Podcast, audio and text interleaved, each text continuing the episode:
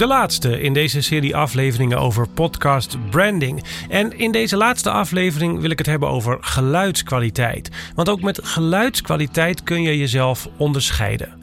Dit is Kennisbank aflevering 21. Ik ben Hajo Magree. Dit is Tussen de Oren, de podcast over podcasting van NAP1. Wij maken audiocontent. Ik zal verderop in deze aflevering iets zeggen over hoe je aan goed geluid komt, wat daarvoor nodig is, behalve natuurlijk een goede microfoon. Maar eerst heel even uitzoomen.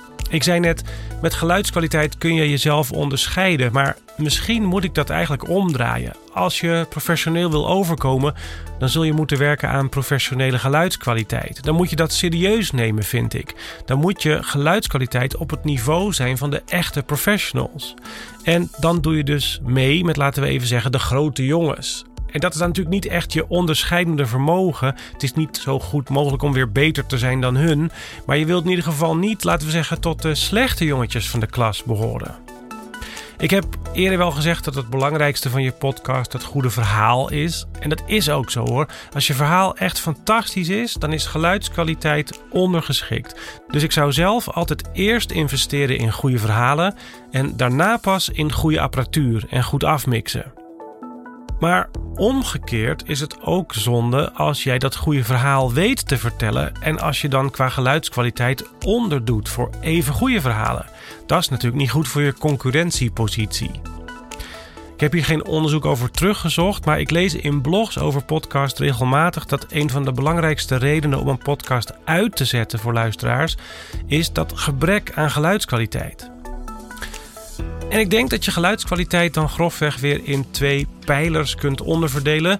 De ene pijler is de verstaanbaarheid. Wat je wilt bereiken is dat alle sprekers in je podcast goed verstaanbaar zijn. Dat betekent dat ze grofweg allemaal even hard zijn en dat ze hard genoeg zijn. Dat je alle sprekers ook nog goed kunt verstaan als je geen noise cancelling headphones op hebt. Als je gewone oortjes in hebt en op straat loopt bijvoorbeeld en er een bus door een plas rijdt. Of nog zo'n scenario dat je kunt checken als je in de auto zit en je hebt allerlei rijgeluiden. Kun je alle sprekers dan nog goed verstaan of zit je de hele tijd aan de volumeknop te draaien omdat de ene harder is dan de andere? Dus dat is de ene pijler van geluidskwaliteit, verstaanbaarheid. En de andere pijler is zoiets als: klinkt het mooi? Zoals bij Netflix of in de bioscoop ook fijn is als de plaatjes er een beetje aantrekkelijk uitzien, dat het lekker is om naar te kijken. Zo kun je met geluid zorgen dat het lekker is om naar te luisteren. Dat het niet klinkt alsof je het in een videomeeting hebt opgenomen. Dat gorgelende geluid van een Zoom-sessie bijvoorbeeld is doodvermoeiend om naar te luisteren. Maar je kunt ook werken aan bij Storytelling Podcast gelaagdheid in je geluid. Dat je locatiegeluid hoort, een hele zachte muziek en dat er wat te ontdekken is voor het oor. En gebrek aan dit soort aantrekkelijk geluid is voor podcastluisteraars ook een reden om het af te zetten. Omdat het soms dus gewoon te vermoeiend is. Ik weet heus wel dat het in deze coronatijden niet altijd lukt om een Zoom-opname te vermijden in je podcast. Maar als het even kan, heeft dat niet de voorkeur. Dus verstaanbaar en mooi geluid. Daar zijn we naar op zoek. En dan is het ook wel fijn als dat geluid een beetje aansluit bij de beste producties in het genre. Dat je dus ongeveer even hard bent als die producties.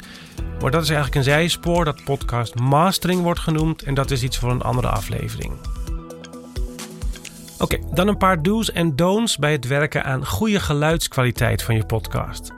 Ik zou een podcast niet opnemen met de microfoon van je mobiele telefoon of met de microfoon van je laptop. Die van je telefoon is over het algemeen wel iets beter dan die van je laptop, maar toch zou ik het afraden: gebruik een aparte losse microfoon. En als je daar dan toch een microfoon voor gaat aanschaffen, laat je dan door alle blogs die op internet staan niet verleiden tot het aanschaffen van een condensatormicrofoon.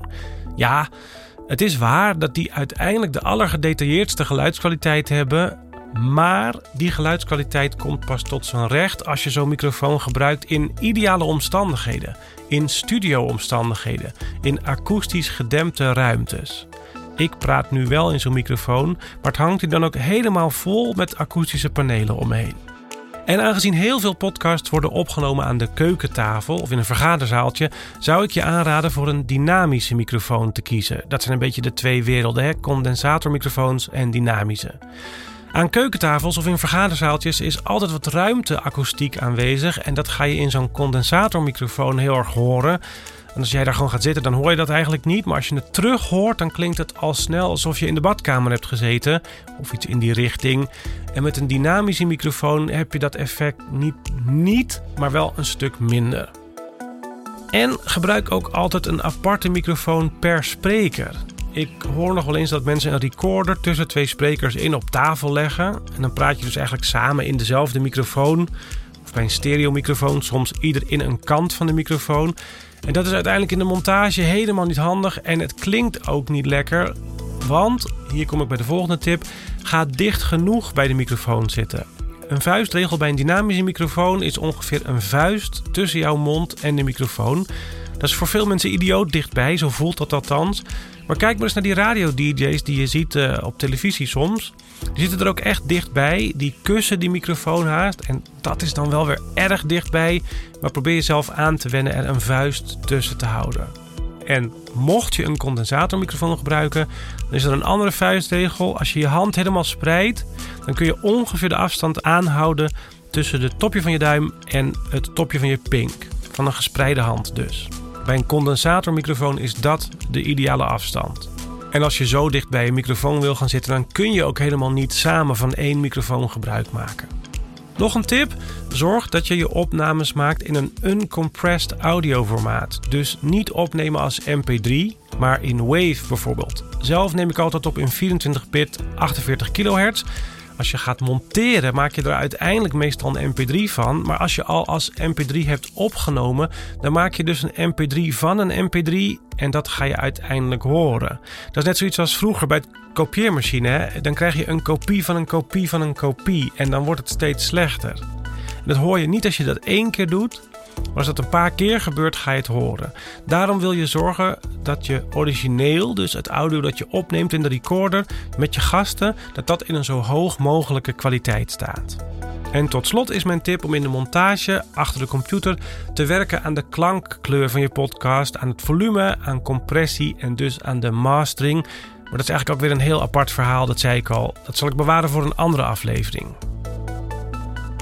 Dus nog even samengevat: gebruik een dynamische microfoon. Gebruik één microfoon per spreker. Ga er dichtbij zitten en neem op in een uncompressed audioformaat. Als je die dingen doet, heb je de basis op orde. Dan kun je gaan werken aan een professionele eindmix. En dat laatste kun je of zelf onder de knie proberen te krijgen, of uitbesteden aan een professional. Maar die wordt wel heel blij als je die vier dingen die ik noemde, als je die stappen hebt gezet. Zo'n externe technicus kan ook niks meer maken van een slechte opname met een slechte microfoon. Dat was het. Je kunt de informatie uit deze aflevering ook terugvinden in de podcast Kennisbank op onze website. Dit was Tussen de Oren van NAP1. Wij maken audiocontent. NAP1.nl